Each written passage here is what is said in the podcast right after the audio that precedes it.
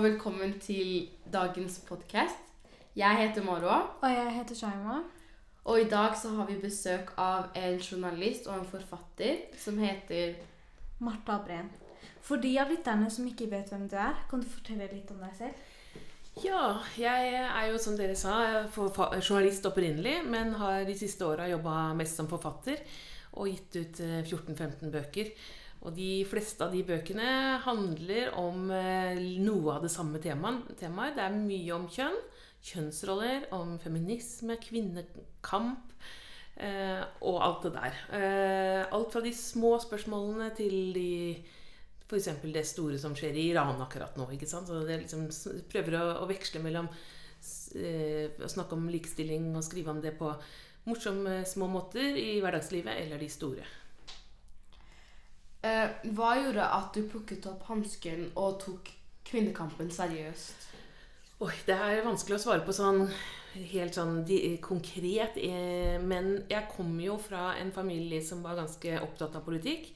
Mora mi var med i den eh, kvinnebevegelsen på 1970-tallet. Eh, så jeg var engasjert egentlig hele livet. Og begynte Jeg kommer fra en liten by som heter Larvik. Og blei da tidlig med i noe som heter Larvik mot rasisme, for det var veldig mye rasisme der på 90-tallet. Eh, Det er det sikkert fremdeles òg. Og da så, så det var egentlig det jeg begynte med. Og så etter hvert så så, så jeg jo at det, det er jo ikke Disse tingene ligner ganske mye på hverandre. Kampen mot rasisme og kampen mot kvinnediskriminering. For det handler om mye av det samme. At noen i samfunnet har bestemt at eh, det er vi som eh, bestemmer, eller det er vi som er viktigere enn dere, eller det er vi som er no- no- normen og normalen, og dere andre er litt annerledes, og det er greit at det er litt ulike regler og sånne ting. Så når jeg så alle de likhetene, så, tenkte, så utvida jeg på en måte eh, det hele til å bli en kamp mot diskriminering på alle områder, da.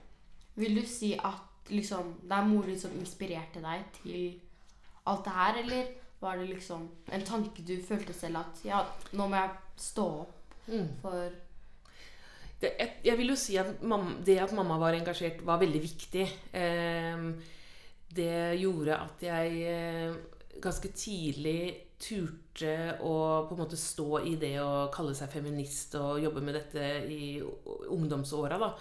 Eh, fordi det var på en måte Mamma hadde jo allerede Hun sto jo på torget i den lille byen og delte ut løpesedler mot porno og sånne ting som jeg egentlig syntes var litt flaut. Jeg hadde sånn standbook, som det heter, hvor det var bilder av porno for å vise hva det var. og sånn. Så det var jo flaut da for meg i, når jeg var tenåring. Men, men fordi hun allerede liksom hadde gjort de tingene, og vært i avisa og deltatt i demoer og sånn, så var det på en måte ikke noe for meg å tape. For jeg, vi var allerede stempla som litt sånn eh, raddiser, som vi kalte det. Og dermed så, så jeg, måtte jeg bestemme. Enten må jeg ta avstand fra det og bare prøve å være en av de andre. Eller så jeg, kan jeg omfavne det og, og stå i meg sjøl. Så valgte jeg det veldig tidlig. Og da når det først var gjort, så da var jeg vel kanskje bare 14 eller noe sånt. Når jeg i 13-14 meldte meg inn i de første organisasjonene. Og så siden så har jeg ja, måttet stå i det, da. Og det har vært helt greit. Det er sikkert noen eh, som ikke har, ville være venn med meg, eh, og det er også greit. Hva, mister du mange venner pga. det? Det kan hende at jeg, uten at jeg da på en måte har merka det, da, fordi at de liksom aldri var aktuelle. Eh, men selvfølgelig, jeg, det, det har jo en slags pris å skille seg ut i, i ung alder. Men jeg føler vel egentlig at jeg bare har tjent på det hele veien. Måtte, jeg husker at det var altså, Særlig ungdomsskolen. Fordi at det er jo da de fleste sliter mest med hvis det er noen problemer. altså Det er da det begynner å eh, Motsetninger mellom eh, elever og sånn dukker opp ordentlig. Og, og da jeg, husker jeg at det var noen vanskelige hvor jeg, hvor jeg tenkte er det, er det verdt det, liksom? Eh, hadde, jeg gikk på tegning, form og farge, så hadde vi sånn utstilling hadde, med alle bildene vi hadde jobba lenge med. Og så når det skulle være åpning av den utstillingen, og foreldrene skulle komme og se på, så hadde noen gutter skrevet 'jævla kommunist' over alle mine bilder og ødelagt dem. Eh, og den typen ting det husker jeg gjorde veldig inntrykk. For mine foreldre var jo kommunister, da. Eh, og, så, så jeg husker liksom at jeg liksom sleit litt da, med at jeg ville på den ene siden være en av de andre, eller en av alle, ligne på alle. På den andre siden så ville jeg jobbe med det jeg gjorde. Det var jo Natur og Ungdom også, så jeg var, var med i masse forskjellig. Men så får man jo venner som er lik en sjøl, og det skjedde også veldig fort. egentlig, Sånn at jeg kom inn i et miljø som ikke var i klassen, men som var på tvers av klasser. Ja. Og så når jeg kom, begynte på ungdomsskolen, nei, på videregående, så fant jeg jo bare Da syntes jo jeg at jeg var sammen med de kuleste, og, eh, og det var de som var engasjerte. Så jeg føler ikke at jeg har tapt noe, noen viktige venner. ja. Det er veldig viktig at man står for seg selv og fortsetter å ha samme mening. Absolutt. Hva synes moren din om liksom Fordi ble moren din veldig glad når du sa at nå, nå, nå må jeg liksom kjempe på, nå må jeg stå på. Mm. Jeg tror at det, det, kom, det, det skjer jo så gradvis, så det var på en måte aldri en sånn ett øyeblikk der. Jeg tror hun har aldri vært overraska over det jeg har endt opp med å gjøre. Selvfølgelig så det at jeg skriver bøker, det tror jeg hun er stolt over. Men sånn når jeg var ung, så, så var det på en måte ikke sant? Jeg var jo på litt sånn politiske leirer når jeg var liten også. Og vi satt og sang uh, mot kapitalismen så på gitar og sånn. Så det har liksom vært sånn veldig sånn gradvis med. Så hun uh, hadde nok blitt mye mer overraska hvis jeg ikke hadde blitt engasjert og skuffa. Ja. Hva er den viktigste kvinnekampen vi har i Norge i 2023? Ja, Det er veldig vanskelig å rangere. Jeg pleier ikke å ville gjøre det. fordi at når man eh, sier liksom at dette er viktigere enn det andre, så sitter det jo noen som jobber med det feltet og føler at eh, ok, For det er veldig lett å si sånn at det du gjør, er ikke viktig. Særlig hvis man f.eks. jobber med eh, Det er mange som jobber med kroppspress, f.eks., ikke og at det er veldig utseendepress på jenter. Men eh, så sier folk ja, det er jo ikke akkurat så veldig viktig det der, der eh, når du ser på jenter i Iran, liksom, eller at eh, kvinner blir omskjært, eller de, man tar de verste tingene. Så, så jeg pleier å si det at det, jeg synes det, det viktigste er at man jobber med disse spørsmålene der hvor man selv er, og i det miljøet man er. Sånn at Hvis man er går på ungdomsskole, da, da er det jo ting i sitt miljø. Hvordan er, sant, Blir jenter og gutter behandla likt? Er det sex, eh, eh, sexisme i skolegården? Eller hvordan, hva skjer på sosiale medier? Det som er i nærheten, det er jo det naturlige å ta tak i da. Selvfølgelig kan man engasjere seg i de store spørsmålene og likelønn og alt sånt, men det er jo litt rart. Eh, Tenåringer gjør jo ikke det. Eller, ikke? Men plutselig så kommer man ut i arbeidslivet, og så ser man noen andre ting, og så kan man ta tak i det der. Hvis man jobber i helse og næringen, så ser man kanskje eh, på ulikheter i lønn og deltid og eh, ulik behandling av kvinnelige og mannlige pasienter og alt mulig sånn. Hvis man eh, er politiker, så er det helt andre ting du skal ta tak i. Så det viktigste er til enhver tid å ha øynene åpne og engasjere seg der hvor man er, og det, i det man kan, da. For det, er jo det som du i dine egne omgivelser, det er jo de tingene du kan snakke om med tyngde og, og vite hva man snakker om. Har du noen søsken som også er veldig engasjerte i kvinnekampen og ja, forskjellig? Eh, nei, eller Altså, jeg har tre søstre, eh, og vi er veldig forskjellige. Eh, alle, jeg tror alle kaller seg feminist, altså. Det er ikke det. Det gjør man i min familie. Men eh, de eh, Jeg har en søster som lærer på, på, på skole. Og jeg tror absolutt hun snakker om de tingene der, men hun er ikke liksom aktivist. Hun driver med andre ting. Hun løper maraton, liksom. Og så har jeg en søster som, også, som er mye eldre enn meg, som har vært i militæret i mange år. Eh, Jeg tipper at hun har vært utsatt for ganske mye der og har meninger om hvordan jenter blir behandla i militæret. Eh, og så har jeg en lillesøster som eh, med, liksom driver med sine ting. Så, eh, men det er vel bare jeg som har liksom tatt, gjort dette til en sånn hovedgeskjeft. Ja. ja, du eh, nevnte litt om sånn hvordan det er nå tiden, og hvordan det er mellom guttene og jentene og sånn.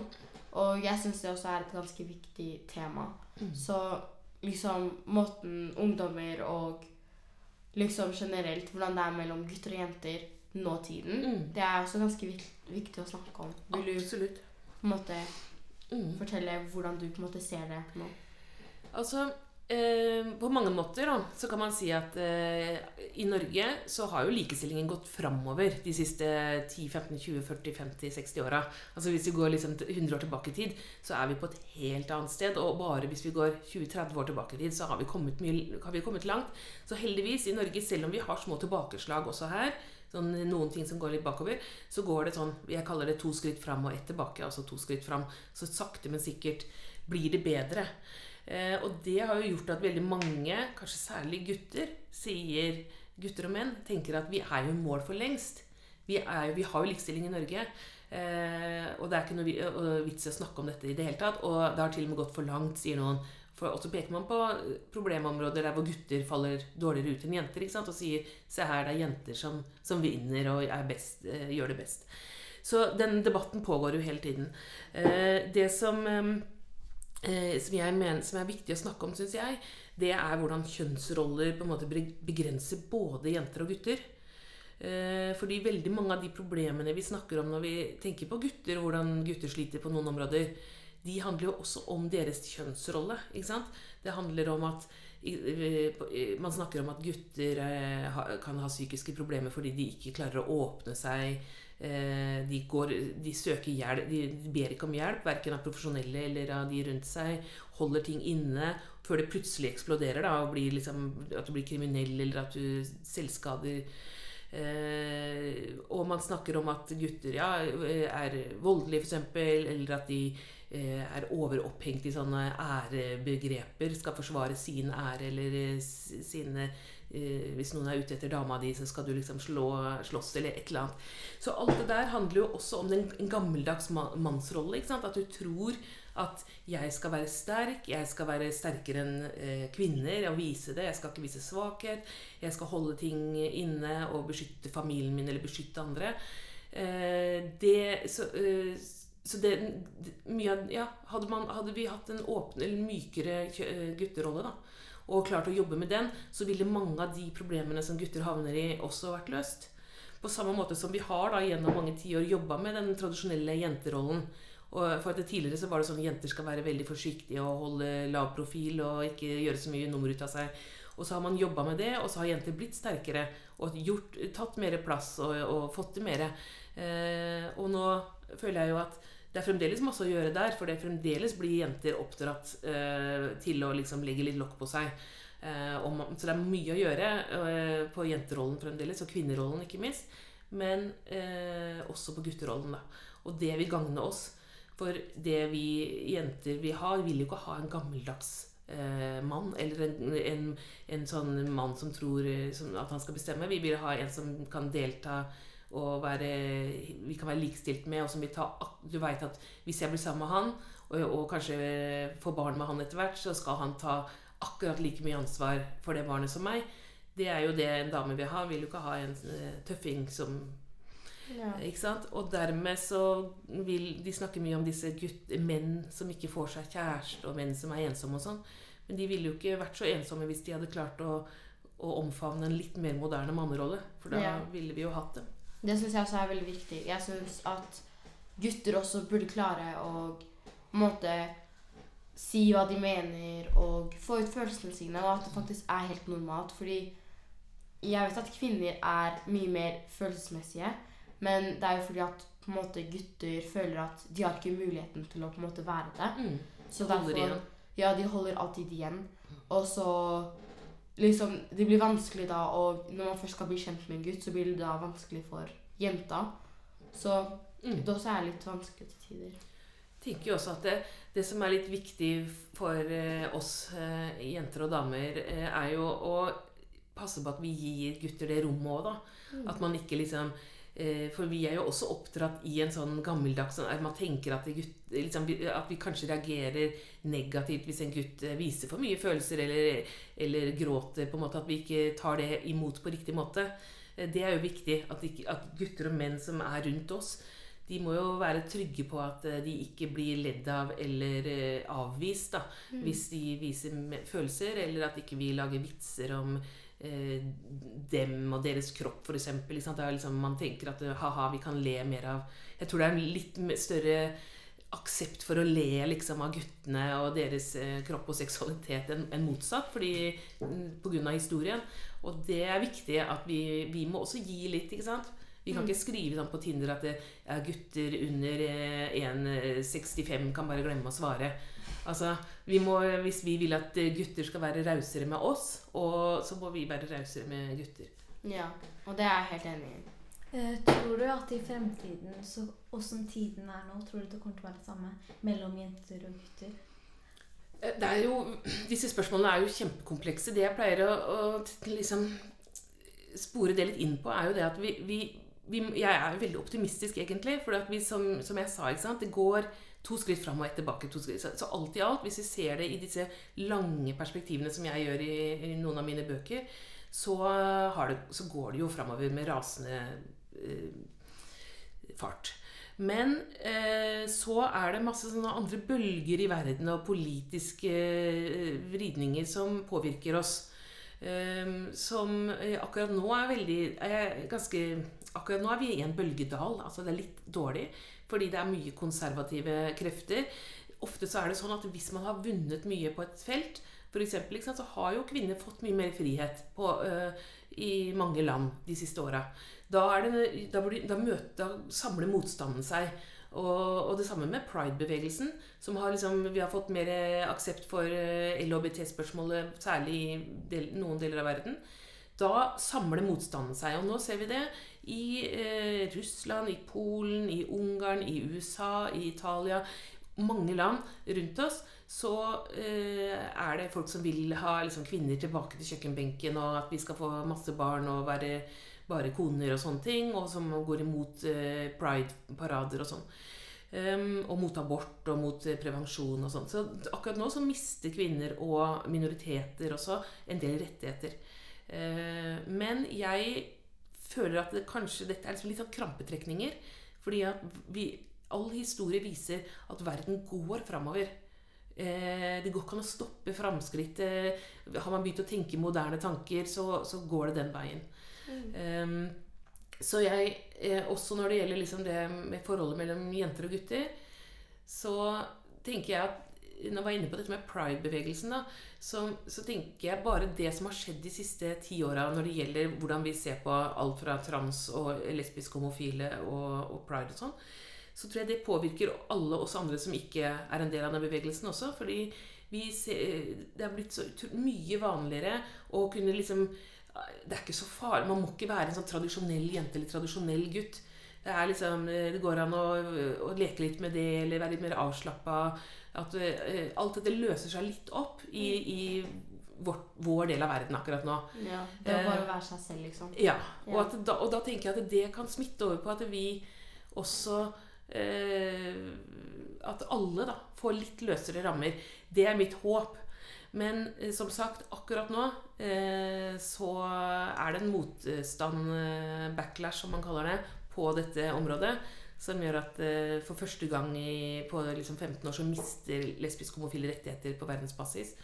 Um, og det er derfor jeg liksom, det er jo noe av mitt budskap. er jo at vi må, vi, må, vi må ikke tro at det bare går framover av seg sjøl. Det er ikke sånn at alt vi har vunnet, det har vi vunnet for alltid, og det kan aldri bli tatt fra oss igjen. Det, kan, det skjer at man mister rettigheter, og at ting går bakover. Og da må vi kjenne igjen det og kjempe. Og det samme gjelder menn og gutter. De er jo ikke vant til å kjempe for sine rettigheter som kjønn. Det har jo vi kvinner litt mer erfaring med. ikke sant? Så når f.eks. det kommer konservative regjeringer og, og vil ta bort pappaperm f.eks., eller eh, fjerne eh, menns rettigheter på noen områder, så, må jo, så er, er ikke gutter og menn så De er ikke øvd opp til å se og kjenne igjen det. Og jobbe for sine Så jeg er veldig for jeg, at, at gutter og menn også skal jobbe eh, for rettigheter og for kjønn, kjønnsrollene sine og, og sånne ting. Og organisere seg gjerne. Men eh, ikke, ikke, ikke å se, tenke at det er oss mot kvinnene, eller at det er oss mot feminisme. For det er dessverre mange som tenker at eh, vi, vi, de engasjerer seg i gutters kamp fordi de skal ta noe fra feministene fordi, eller fra kvinner, fordi kvinner har vunnet alt og tatt alt. Men det er ikke der motsetningen ligger. Vi er bare, det, er liksom det som er vår fiende, er de, den tradisjonelle, gammeldagse måten å tenke om kjønn på. Det er den vi må sammen Ja. jobbe mot. Så vi må alle sammen på en måte kjempe sammen for å få en endring og forandring Ja. for fremtiden vår. Mm. Hvis vi liksom La oss si noe veldig dårlig skjer, så må vi alle sammen stå sammen og Mm. bygge liksom Ja. Ja, Absolutt. og at det ikke endrer av seg selv. Mm. Fordi det skjer bare ikke plutselig at det blir fred i verden og alt det der. Nei. At man må kjempe for det. Man må kjempe for alt man uh, har, og man må ikke lene seg tilbake på laurbærbladene, som det heter, og tenke at uh, ja, nå har jo mamma og de kjempa, så vi, nå kan vi bare seile inn. Fordi eh, sånn Man må kjempe uansett hva. mm. Ja. Det er viktig. Mm. Men uh, hvordan er det med kvinners rettigheter i Norge i forhold til andre land i verden? Hvis vi skal sammenligne med andre land i verden, så er vi helt, helt i toppsjiktet. Det er ingen tvil om det. Ehm, vi, det er jo jevnlige sånne kåringer av likestillingsnivået i ulike land.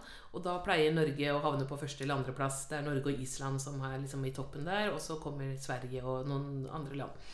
Ehm, og det de måler da, er jo eh, f.eks. Eh, hvor eh, Altså lønn. ikke sant? Likelønn. Vi har jo ikke likelønn i Norge. Menn tjener mer enn eh, kvinner. Og mannsdominerte yrker er mye bedre betalt enn kvinnedominerte yrker. Men likevel, til tross for at vi har disse forskjellene, så er vi på topp. Så det sier jo litt om hvor store forskjellene er rundt i andre deler av verden. da. Eh, Men eh, det måler jo også bl.a. kvinners arbeidsdeltagelse. Det er ingen land i verden hvor kvinner er så, i så stor grad ute i arbeidslivet som i Norge. Og hvorfor er det sånn? Det er jo fordi vi har eh, barnehager bl.a., og vi har permisjonspenger. Så hvis du blir gravid, så er det ikke sånn da mister du jobben. Eh, Det er ikke noe vits i å komme tilbake, for, det, for barnehage er så dyrt at du ikke mm, kan jobbe videre. Sånn er det i mange land, også i sånne land som England og Italia. Og du må ikke til eh, liksom afrikanske land. Det er Rundt i Europa så har man ikke råd til å jobbe som kvinne, fordi at da må, for at hvem skal passe på barna da? Det blir for dyrt. I Norge så har vi en stat som har jobba for likestilling i mange år, bl.a. med å sponse barnehagene, sånn at vi har råd til det. Eh, Så det er mange sånne ting. 40-50 år med aktivt likestillingsarbeid fra myndighetene, og egentlig fra oss, da, for det er jo vi som har stemt som, som folk, så har vi jo stemt fram denne politikken. Eh, Det er jo demokratiet som har villet dette her. Eh, Og så må- så har vi fått denne, bygd opp denne, dette systemet som fungerer veldig godt. da. Og som jeg er veldig opptatt av at For jeg reiser ganske mye rundt i verden. Eh, Den ene boka mi er ute i 27 land. Så jeg har reist på turné, vært i Brasil og Russland og Serbia og Italia over det hele.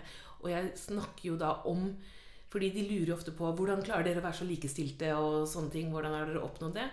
Og da forteller jeg dem om hva den norske staten har gjort eh, på dette med arbeidsliv bl.a., men også hvordan norske menn eh, fordi, eh, altså Når jeg forteller i, til russere for eksempel, da, om norske menn, så får de helt sånn hakeslipp. Jeg sier liksom de, Ja, de er jo hjemme med barna i pappaperm. Og ordet pappaperm har de aldri hørt og skjønner ingenting. Og hvordan får dere menn til å ville det? Ville være sammen med barna? Og det, jeg kan jo ikke forstå spørsmålet engang, for jeg er jo vant til menn i min omkrets som selvfølgelig veldig gjerne vil være hjemme med barna når de kan. Eh, så vi har kommet så langt på både det med kjønnsroller og det med politikk. Eh, så vi skal være kjempestolte og glade og promotere det til de som på en måte ikke har forstått dette ennå. eller ikke da må vi vise til hva vi har fått til, og skryte av det. Men det betyr som sagt ikke at vi skal tro at, det, at alt er i mål, og at eh, det ikke fins eh, diskriminering i Norge, eller at ikke det fins At ikke det er mulig å gå bakover, da. Så vi må passe, vi være stolte av det, og så må vi passe på det. Ja. Som for eksempel Du sa jo at eh, han ble veldig sjokkert når det kom til pappapermisjon og alt det der. Og det er fordi at vi på en måte har blitt mye flinkere til å på en måte få da gutter eller menn til å kunne liksom utdype følelsene sine. Og derfor liksom Vi er ikke så gammeldagse, men vi er fortsatt det. Mm. Men vi har kommet et så mye bedre steg, og det må vi fortsette med. Ja, For det er veldig. ganske viktig. Veldig bra oppsummert. Mm. Vi har jo eksempler fra f.eks. Iran, hvor kvinners rettigheter fører til store demonstrasjoner. Hva Mm. syns du om det? Jeg syns jo eh, for det første at eh, det at disse, demonstrasjonene har eh, oppstått, er jo fantastisk bra. Helt utrolig rørende og sterkt. Fordi det trengs så enormt en revolusjon i Iran. Og dette er første gangen det ser ut til å være en kvinnelig drevet revolusjon. Da, en feministisk revolusjon eh, i verden. Altså, det har aldri skjedd før at det er liksom kvinner som starter en revolusjon helt aleine. Ehm, men eh, selvfølgelig, eh, det er jo en veldig bismak her, fordi mange av de som er så modige og går ut i gatene, de risikerer å bli drept. Eh, de blir arrestert, piska, voldtatt. Det er ganske grusomme ting som pågår. Eh, så det er jo Pluss at man også da blir klar over Vi har jo visst eh, at, dette, at det iranske regimet er som det er, men, men nå har jo dette kommet mye mer fram i lyset. Så man blir jo helt eh, lamslått da, av hvor dårlig det står til med likestillingen, ikke minst, men også med ytringsfriheten og menneskerettighetene. Eh, nå, nå har de jo begynt å ta livet av demonstranter eh, som eh, altså, døm, dømmer dem til døden. Da. Så det er eh, veldig delt eh, følelse å følge med på det der, men, men, eh, men må jo beholde en optimisme, fordi hvis ikke de får det til nå, så er det jo bortkasta. Alle de ofrene og alle de eh, kvinnene som eh, allerede er, er døde eh, og skada. Så jeg, bare håper virkelig at eh, de eh, tør å fortsette. Tror du at eh, de kvinnene i Iran som nå demonstrerer, tror du at de kommer til å få en endring i Iran? Altså En endring tror jeg allerede har skjedd. fordi at eh, det er ikke mulig å gå tilbake til eh, og late som om dette ikke har, har skjedd. Eh, det har foran, altså dette er jo stort sett unge mennesker som, er, eh, som demonstrerer nå. De eh, kan jo ikke huske tida før de har levd de, altså de, de som er eldre, kan huske før 1979, ikke det, eh, hvordan det var før dette regimet tok over. Men de som demonstrerer nå, har aldri levd i noe annet. Og, men så har man jo fått eh, Verden er ikke så avstengt som den var kanskje bare for 10-15-20 år siden. Uh, de, disse unge menneskene de ser jo gjennom uh, internett og sosiale medier at eh, de er ganske aleine i verden og må bli tvunget til å gå med hijab f.eks. Eller til å, å være såpass uten muligheter som de er. Eh, De ser at eh, kvinner i nesten hele resten av verden lever et mye friere liv, og det, da, de finner seg ikke i det. Eh, Og det føler jeg er en av de tingene som eh, er forskjell på eh, både det med Iran og også Afghanistan og også eh, Saudi-Arabia. I motsetning til tidligere så, så går det ikke an å skjerme kvinnene fra resten av verden. Du kan ikke bare ha henne hjemme og så tro at ikke hun vet om noe annet, men for hun finner ut av det, og da blir det protest. Det kommer til å bli revolusjoner. Så er det jo spørsmålet hvor mye vold og makt regimet er villig til å sette inn. Fordi at man kan jo ikke stå imot uh, maskingevær, holdt jeg på å si. Altså, så, at det, så det er jo balansen her nå uh, som er veldig spennende. Om, uh, og selvfølgelig så må det internasjonale samfunnet legge press på Iran. Jeg syns jo det er, er helt fryktelig hvis man på en måte opp, behandler dem som et hvilket som helst regime. Sammen med Saudi-Arabia også. Jeg mener at som Altså Norge burde innføre det som man kaller en feministisk utenrikspolitikk.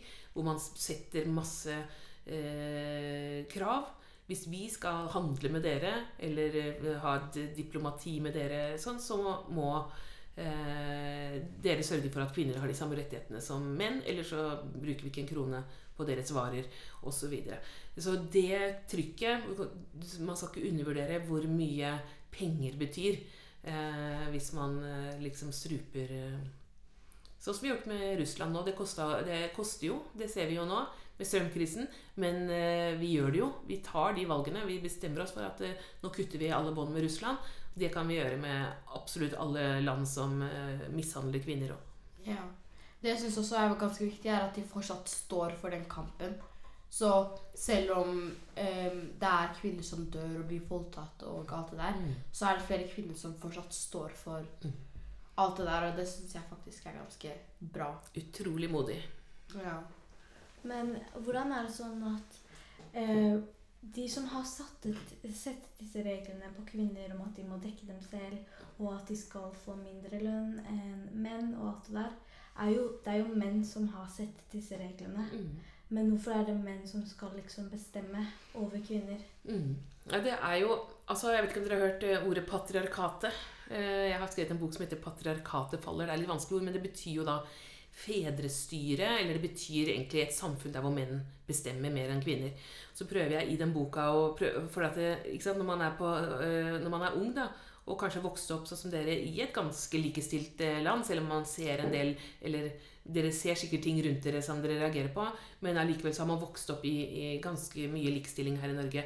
Da vil, no, vil man jo tenke patri, er, hvorfor, hvorfor begynte dette? Skjønner, det er veldig vanskelig for oss å, å forstå hvorfor dette kan være så skeivt. I Norge så har vi kanskje Nå viser jeg med henda, det kan man ikke se på poden, Men altså, i Norge så er det fremdeles skeivt, men det er bare sånn vi har tatt igjen ganske mye. Så det er litt sånn Sånn står liksom mannsveldet eller patriarkatet i Norge. Og så går du til Polen, så står det sånn, litt sterkere. Og så går du til Brasil, så står det sånn, mye sterkere. Og i Somalia enda sterkere. altså sånn. Så det er de gradene, da, som Men, men, men over hele kloden så, så har vi dette som vi kaller patriarkat. Altså at menn har mer makt, mer penger og setter premissene og reglene. Og hvorfor begynte Altså, det begynte jo man kan jo gå tilbake til antikken og lenge før det. Man kan gå tilbake til tidenes morgen. Pluss at man kan, eh, alle mulige religiøse skrifter er jo også veldig patriarkalske. Eh, religion har hatt en enorm innflytelse på men menneskenes kultur. Og disse bøkene er mange tusen år gamle ofte. De er jo nedskrevet av menn, for det var bare menn som bestemte på den tiden.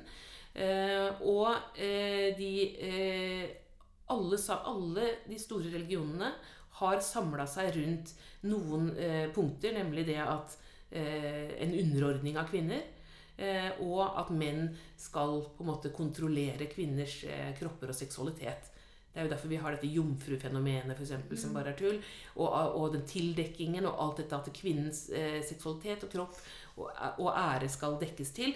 Og dette gjelder ikke bare Nå snakker vi stort sett om islam når vi tenker på det, Mm. men dette gjelder alle religionene. Ja. De har de samme verdiene på dette feltet. Eh, og så har noen religioner klart å modernisere seg mer enn andre. Men ehm, så, så dette er sånne enormt gamle strukturer som sitter i eh, våre kropper. Altså fordi når at noe er Det tar veldig lang tid å endre på noe som er liksom menneskets eh, kulturhistorie. Eh, men eh, så har vi kommet som sagt langt i noen land, og så eh, mindre langt i andre. Men det skjer ting. Og det syns jeg er viktig igjen, hvis man skal, for det er ikke noe vits å jobbe med dette her hvis man bare skal være pessimist. Da skjer det ingenting. Så hvis man ser liksom, det som skjer i eh, Iran nå, eh, det som, og også i Afghanistan, hvor det, eh, hvor det på, er, er fryktelig akkurat nå fordi jenter har mista alle muligheter til å ta utdannelse og alt. De har mista alt på bare et års tid.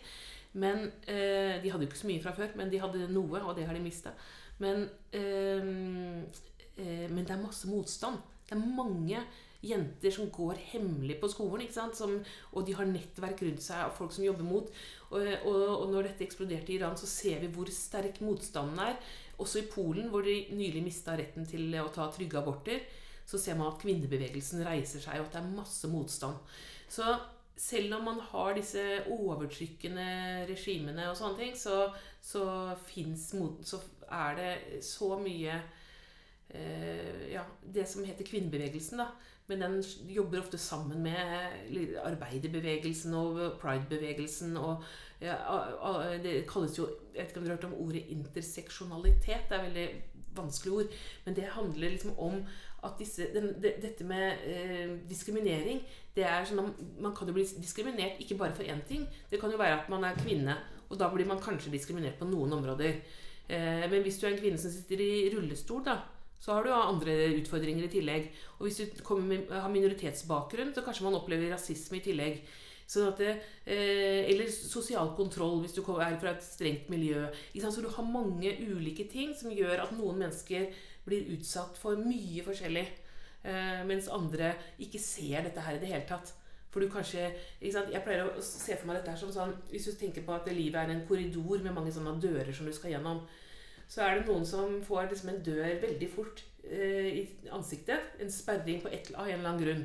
Det kan være kjønn eller legning eller funksjonalitet eller eh, hudfarge.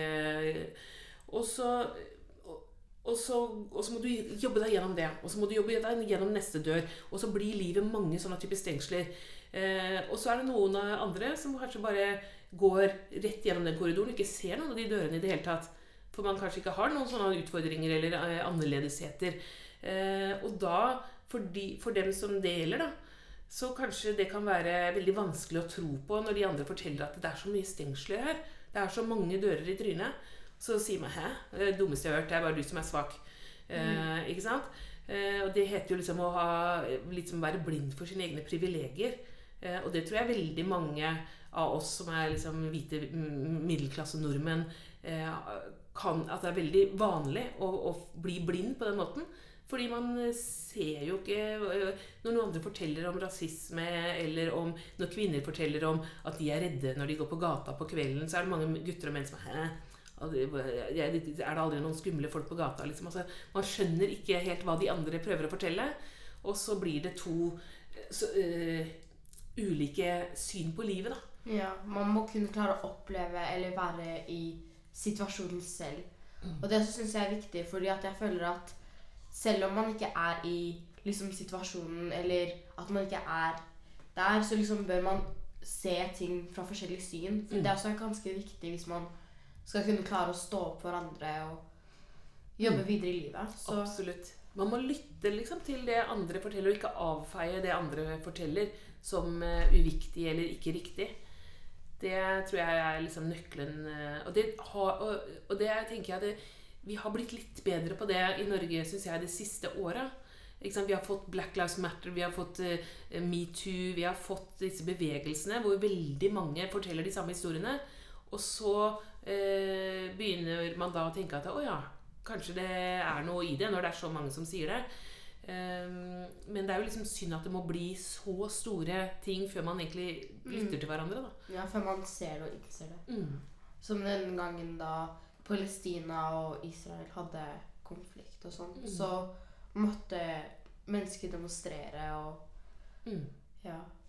ja og så var det jo den der med LGBTQ-greia, mm. eh, der noen ble skutt. Mm. Og det syns jeg var veldig trist det var fryktelig at det skjedde i Norge også. Mm. For eh, det skjer jo rundt i Dessverre, i veldig mange land så er lesbiske homofile eh, De lever veldig utrygt og opplever mye vold. Og mm, det, men så har man liksom hatt et håp om at Norge skal være en sånn trygt sted å være.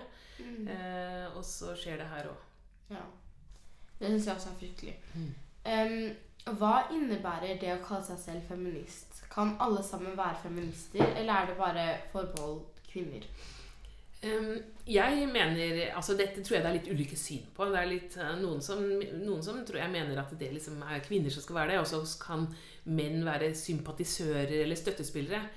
Men jeg syns at uh, ordet feminist burde være veldig åpent hvis du føler at du er feminist og, og, mener, og står for eh, at eh, alle skal ha like rettigheter, så syns jeg man skal være, få lov til å være det.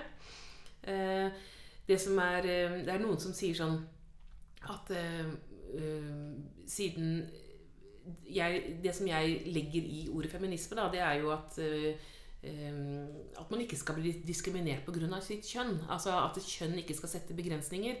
Og stort sett gjennom historien så har, har, det jo vært jenter og kvinner som har fått høre at det og det og det er stengt for deg fordi du er jente, og som, som opplever at kjønnet rammer dem. da.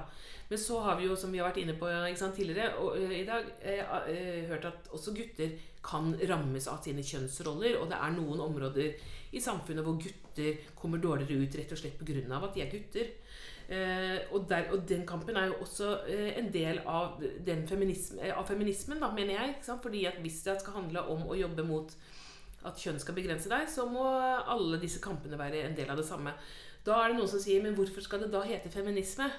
Eh, hvis det også skal inkludere gutter. Eh, da kan det ikke heller hete humanisme eller bare likestilling eller sånn. Men det er jeg litt imot, fordi eh, ordet Altså det er veldig mange ord i språket som er knytta til gutter og menn.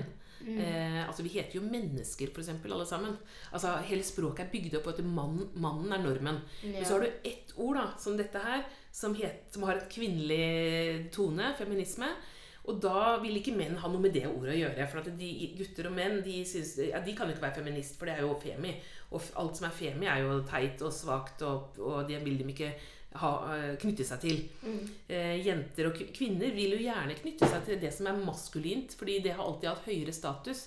Så veldig mange jenter kaller seg for guttejente og syns det er liksom en stas, eller, eller være en av gutta, det er jo liksom ålreit. Mens guttene vil jo aldri være en av jentene eller jentegutt eller noe sånt, og alt det tar de avstand fra. Så dette handler litt om denne hvem som liksom har høyest posisjon og, og sånn. ikke sant? Og, og, og dermed så tenker jeg at hvis gutter har lyst til å være med i kampen mot kjønnsdiskriminering, så må de søren meg tørre å kalle seg feminist. Mm. Eh, og så må vi ta, ta dem godt imot. Ja, for jeg også legger merke til at det er jo gutter som liksom prøver å Som f.eks. er med i en jentegjeng. De vil jo da bli kalt homofile, Mm. eller Det går ikke an at han er 100 straight. Det går jo ikke. Nei. Men liksom om en jente er mye med guttene, så, så er hun bare liksom Det går greit. Det går Ja. helt fint. Da, da får hun faktisk nesten litt høyere status. Ja. Eh, og dette her med at eh, Det er jo gjort undersøkelser på hva som er de mest brukte skjellsordene på ungdomsskoler i Norge. Og det er jo eh, homo, blant annet. Homo og hore. ja. Og, og det med at homo blir brukt som et skjellsord eh, blant unge, er jo helt fryktelig med tanke på for det første at dagens ungdom er jo også den eh, veldig rause og åpne eh, på LHBT-feltet. Eh, så, så det er jo en sånn motsetning. da På den ene siden så er, er, de, er, er unge veldig åpne der, men samtidig så ødelegger man jo da ved at det ordet liksom eh, får lov til å være et skjellsord. Fordi jeg tenker Jeg, jeg snakka med noen tenåringsgutter om dette her en gang. Eh, De, for fordi de sa at ja, men det betyr ingenting. Det betyr ikke at vi mener at han er homo. Det er bare tull og tøys, liksom. Men så sier, vi, eh, sier jeg at ja, men la, la oss si at kompisen din faktisk var homo, da. Han har begynt å tenke, finne ut av dette inni seg. Tror du han kommer til å tørre å åpne seg for deg og fortelle om det når du bruker det som et skjellsord? Mm. Nei, nei, så skjønte han jo det, da. At det liksom, det var jo Sånn at det er liksom sånn man må bare tenke én runde til. Legger jeg til rette for at min, mine kompiser skal være åpne mot meg? Ikke sant? Ehm, så, så det er viktig å komme bort fra den typen skjellsord. Det bare ødelegger. Ja. Um, hva Det er jo I vår aldersgruppe så er det mange som ser opp til manusfæren Andrew Tate. Mm. Hva kan vi gjøre for å få enda flere til å få avstand av de ekstreme meldingene til den gruppen? Mm. Det er kjempekomplisert, det der eh, incel-feltet og det som har den, den delen av internett da, som har vokst med, med hat, med kvinnehat. Og det er jo ofte sausa sammen med rasisme og ganske mye annet skrekkelig da, i disse foraene. Og man skulle jo tro at Norge, som har vært gjennom eh, denne terroren på Utøya med den fryktelige terroristen, da, som var en sånn type som lignende type da, i meninger, at vi skulle vært vaksinert og kurert for å noen gang på en måte åpne den døra igjen. Og, men nå, liksom bare ti år etter, så er det masse unge gutter og menn som trekkes mot dette.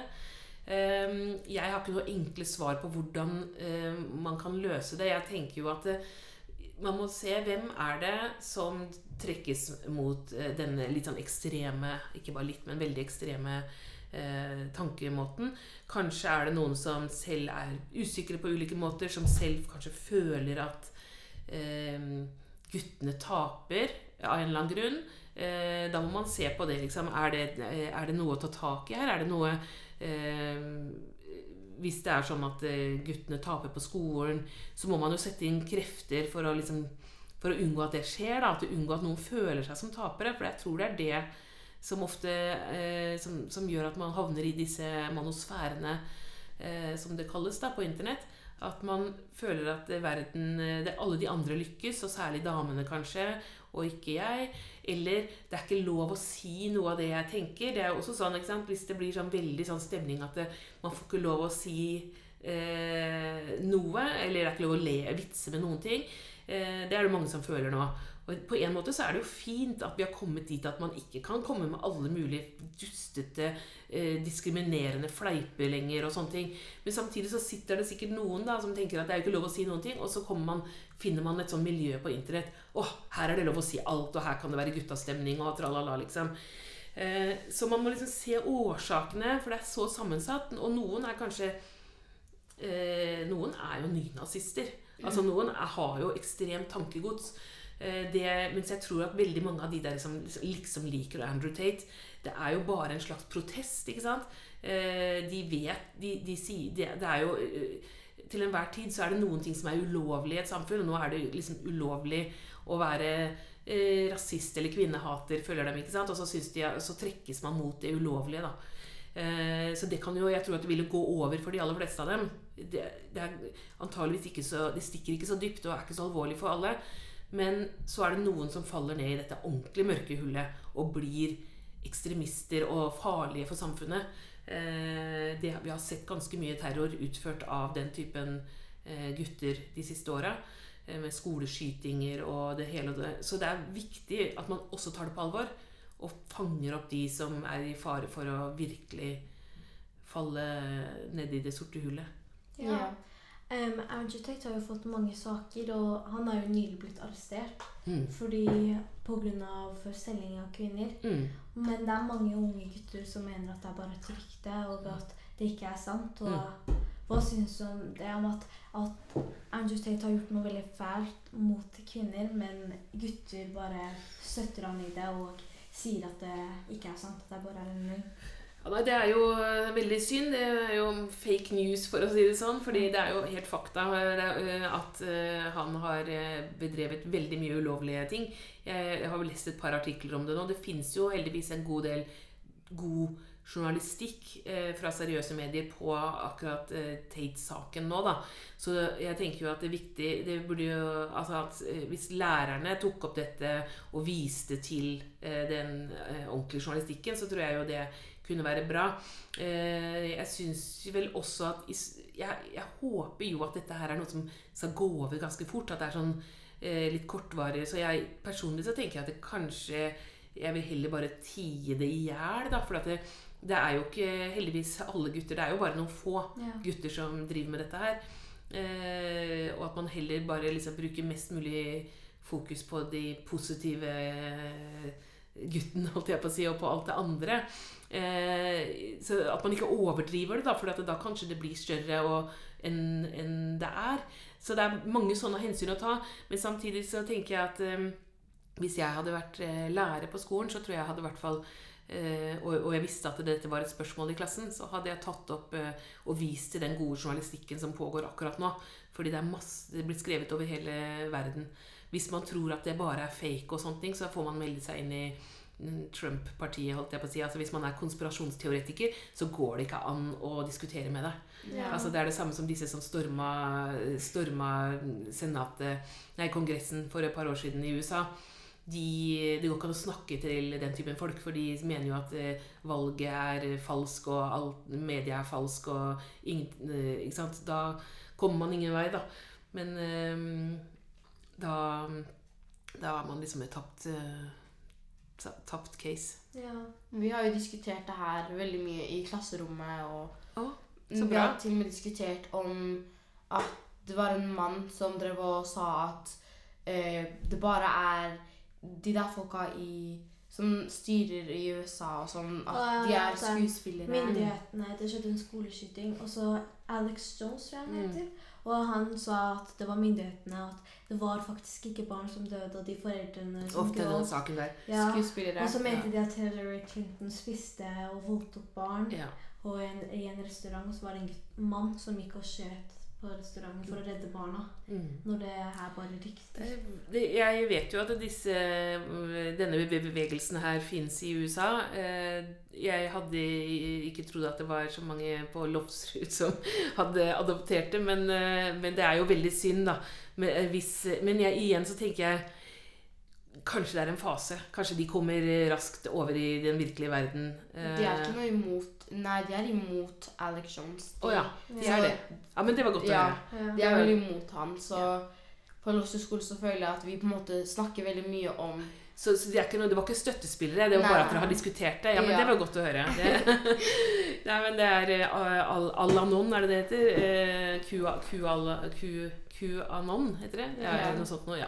Nei, ja, men det var godt å høre. Og det er veldig Det er jo eh, det er jo helt sjokkerende å, å, å høre om disse, for det er jo det er ganske mange i USA. da. Det er jo ganske mange tusen mennesker som er med i dette her, og de er ganske farlige. Eh, og de er voksne. Eh, men samtidig eh, Og det, vi så jo hvor farlig det var når de liksom skulle styrte eh, Kongressen der.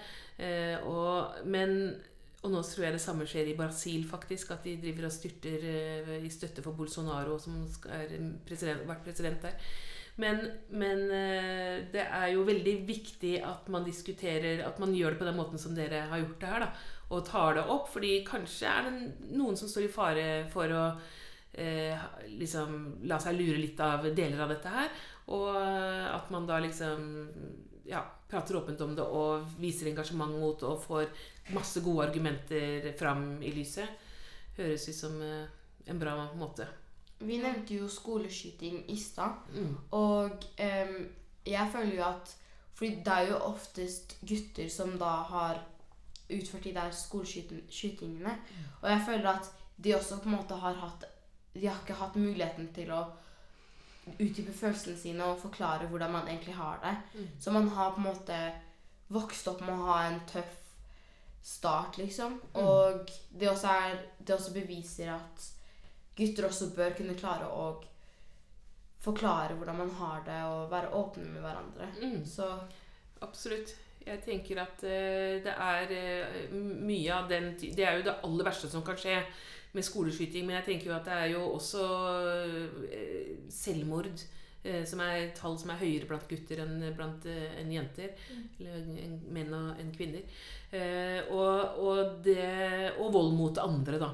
Sånn at det der den utagerende måten, altså at man på en måte går til de ekstreme skrittene, eh, det er det jo da oftere gutter som, som gjør. Og, og jeg vil jo tro, som du sier, at det handler om at man har for få ventiler. Da. Du har for få muligheter til å eh, snakke om ting underveis og slippe ut litt eh, eh, steam. Så, så det er Jeg mener at også denne som, som, Det er liksom svaret mitt på alt. Liksom, det er at det myke opp kjønnsrollene. Og ikke ha så strenge forventninger til hva en gutt, vellykket gutt skal være, og hva en vellykket jente skal være. Så det vil løse så mye, også for de som havner helt uh, utpå som dette uh, i det tilfellet. Um, mm. Jenter har litt større tendens til å ta det innover mot seg selv. Ikke sant? Mens gutter kanskje, hvis livet går dem imot, så blir de sinte på samfunnet. Ja. Eh, kanskje de finner seg en fiende. Det kan være utlendinger, eller det kan være jenter, eller det kan være noe sånt. Eh, mens det, jenter som har det vanskelig, de mener at feilen ligger hos meg. Og så hater de seg sjøl. Og så kanskje de tar det utover sin egen kropp, eller eh, ved å stenge seg helt inne på ulike måter. Eh, begge deler er eh, veldig trist. Ja. ja. Det her var egentlig nesten all, eller det var egentlig alle spørsmålene. Mm. Og det var veldig gøy å intervjue deg. Du har veldig sterke meninger, og ja, vi har lært veldig mye. Ja, det var hyggelig å høre. Det var veldig hyggelig å være her. Vi, jeg synes jo vi, vi prata jo om ganske mye alvorlig og en del trist. Eh, men eh, først, jeg, jeg, jeg tenkte jeg skulle si Nå sitter jeg, jeg tok med en bok til dere, 'Den store rumpeferden'. Og det er en bok om, som, eh, som handler om kroppspress med humor. Og det, eh, den, eh, det er litt sånn det jeg prøver å gjøre også, at det, selv om det å snakke om feminisme og likestilling kan være mye alvorlig, som vi har vært inne på nå, så er det eh, også mye som er gøy. For det å pirke borti kjønnsrollene, hvorfor vi gjør sånn og sånn, eh, det kan være mye humor i det. Og hvis man skal fram med et budskap, så, og som kanskje er et veldig viktig budskap, så hjelper det jo å få folk til å le. Ja. Så det, selv om ikke vi har gjort det så mye her i dag, så tenker jeg at det vil jeg ha, gi, gi som et sånn råd også i framtiden. Eh, prøv også å eh, b- b- Fokuser ofte på det positive, fordi det får med deg folk til å ville jobbe. Og eh, putte inn litt humor. Ja. Ja. Mm. Men når du skrev de bøkene, når du først starta å skrive, hva tenkte du? Hva var liksom tanken din til å først skrive?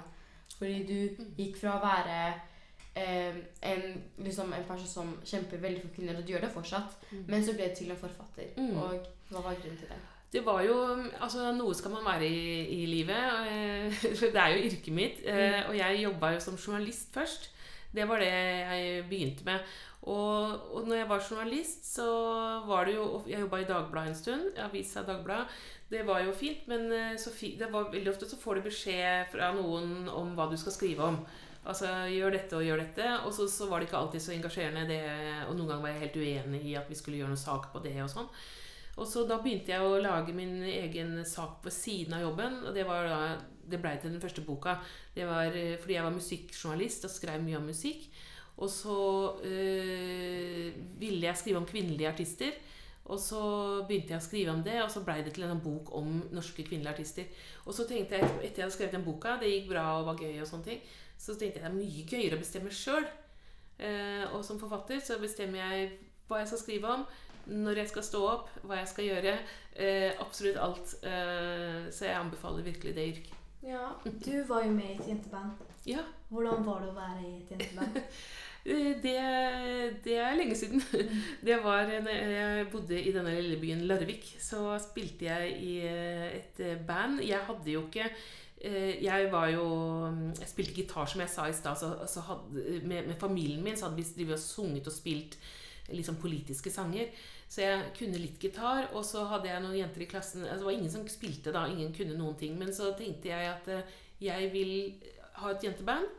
For, eh, og så bare, så bare pekte jeg på mine beste venninner, og så sa jeg du kan spille bass, og du kan spille gitar, og du trommer, og kom hjem til meg. Og så bare satt vi der uten eh, Vi hadde ikke noe særlig instrumenter, men bare satt og begynte. Og så mm, fikk vi plass i et sånt øvingslokale, og så lærte de seg å spille. Og så en måned etter så hadde vi vår første konsert eh, med tre låter som jeg hadde skrevet. Og mm, ja, så det var egentlig bare jeg som tvang de andre. Og så etter hvert så syntes de det var gøy. Ja. Jeg syns det er veldig bra. Du tar en rolle, og du virkelig kjemper for det du vil gjøre, og det syns jeg faktisk er veldig bra. Takk. Så jeg håper at alle de som hører denne podkasten her, også får med, med seg at det er bra å kjempe for det man føler og sånn. Mm, enig. Det er, eh, det er det, Man får mye mer igjen for det. Enn, eh, fordi man angrer liksom ikke på at man har eh, tatt en kamp eller kjempa og gjort noe, men man angrer kanskje på at man ikke på at man liksom, Hvis man føler i ettertid at man var feig. Når du skrev sangene dine eller bøkene dine, var det bare noe du hadde tenkt på veldig lenge, så du bare satte deg ned og begynte å skrive? Eller hvordan er det du får tankene til å begynne å skrive? Mm. Nei, altså, eh, jeg eh, har brukt mye av den journalistiske bakgrunnen min. Da, for når jeg jobba som journalist, så lærer du jo liksom hvordan samle inn masse informasjon og snakke med folk. Og, og også det det, hvor viktig det er at det skal stemme og være riktig. At ikke det liksom det, Den faktaen du har, den må være liksom korrekt. Så jeg, jeg hadde liksom det litt med meg, og samla inn. Og så var det jo liksom Først etter jeg hadde skrevet den første boka om jenter i musikken, så tenkte jeg at nå blir det ikke flere bøker, for jeg har ikke noen ideer, liksom. Men så, men så plutselig så, så var det en sånn kvinnelig artist jeg hadde skrevet litt om, da, som heter Radka Tonnef. Hun er vokst opp på Lambertseter, faktisk. Eh, og så, jeg, så tenkte jeg kanskje jeg skal grave litt mer i henne, da. Og så blei det til en bok om henne. Og, så, og, og da hadde jeg lest noe mer, og da var det plutselig noe i det arbeidet som åpna døra til neste. Og så plutselig bare Hver gang jeg er ferdig med en bok, så, så er det noe som du liksom har tenkt på at at det var jo interessant, det har jeg lyst til å grave litt mer i. Og så bare blir, baller det på seg. Så jeg har ikke hatt noe problem med å, å finne ut hva jeg skal skrive om. Og så eh, og, ja, og så blir, etter hvert så har jeg blitt litt modigere, og da bruker jeg litt mer av meg sjøl. For i begynnelsen, da jeg var yngre, så, eh, så, så stolte jeg ikke liksom på min egen stemme. Da var det veldig sånn at jeg intervjua andre og fikk andre til å si noe. Men etter hvert så har du gjort deg så mange tanker sjøl og erfaringer at man tør å si det er liksom jeg mener, og dette er min historie og sånn. Så det er sånn jeg skriver litt mer nå. Ja. Det var, du har veldig fine ord. Og, Og- meninger. Ja. Tusen takk. Mm. Veldig gøy å prate med dere. Tusen takk. Det her var vår podkast, og jeg er veldig takknemlig for at du fikk komme hit i dag. Ja, tusen takk for at du fikk komme. Så ja. Takk. Tusen takk for oss. Ha det.